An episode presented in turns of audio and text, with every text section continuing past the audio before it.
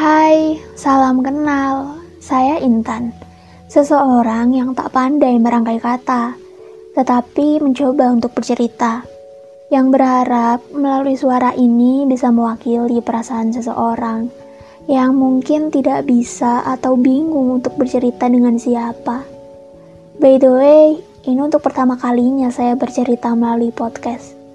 Hmm, maaf ya kalau mungkin masih banyak kesalahan dan kurang enak untuk didengar. Pada suatu momen, apakah kalian pernah merasa di titik di mana tidak dianggap oleh seseorang? Entah seberapa kerasnya kita untuk berusaha, tetap saja tidak dianggap. Huh, menyakitkannya. Untuk siapa pun yang mungkin pernah atau lagi berada pada posisi seperti ini, gak apa-apa kalian gak sendirian. Gak apa-apa untuk tidak terlihat sempurna di mata orang karena hidup kita tidak untuk menyenangkan semua orang. Mau sehebat apa pun kita di mata orang, manusia jauh dari kata sempurna. Mau seberapa kerasnya kita berusaha untuk terlihat ada, nggak semua orang akan menganggap sama kan? Hmm, baiklah. Lakukan saja apa yang membuat kamu bahagia dan tunjukkan hasil terbaik dari versi diri kamu. Hmm, mungkin kita akan sering kali menjumpai rasa capek, ingin enyah lalu menyerah saja. Tetapi secara tiba-tiba kalian dipertemukan dengan orang yang sama. Iya, sama-sama berada di posisi seperti itu. Yang dengan ajaibnya, ada energi positif yang tak bagaimana caranya bisa menguatkan satu sama lain dan bisa membuat suasana menjadi jauh lebih baik. Mungkin benar kata sana, bahwa pada akhirnya orang sedih itu cuma butuh tahu kalau dia nggak sendirian.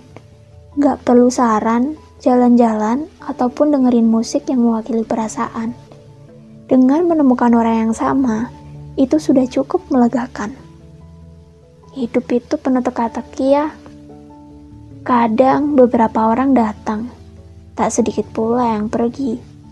Kadang beberapa orang menguatkan, tak sedikit pula yang mengecewakan. Bukankah itu sesuatu yang wajar? Karena di dalam hidup kita perlu masa-masa yang mendewasakan. Belajar dari orang yang mengecewakan hidup kita. Bahwasanya kita tidak patut menuntut suatu timbal balik yang mungkin kita saja tidak mau melakukannya. Jadi seperti ini. Kalau kita merasa sakit saat dikecewakan oleh orang, kita harus belajar untuk tidak mengecewakan orang lain. Kalau kita ingin dihargai, kita juga harus belajar menghargai orang lain, karena sesuatu yang baik menghasilkan sesuatu yang baik pula. Kita harus belajar untuk menghadapi apa pun yang akan terjadi, mau dan mampu untuk melewati proses-proses yang sulit, karena melalui itu kita belajar menjadi orang. Kita memaknai proses menjadi dewasa. Menjadi orang dewasa sering kali terdengar menyebalkan ya. Tapi itulah kehidupan. Pasti ada pasang surutnya. Um, mungkin sampai sini dulu ya perbincangan kita hari ini. Oh ya, untuk menutup cerita, ada satu hal yang mungkin kita harus lebih pahami lagi.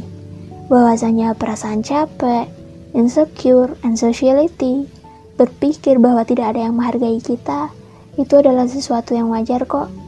Tetaplah menjadi dirimu, entah dianggap atau tidak oleh orang lain. Teruslah berbuat baik dan lakukan yang terbaik.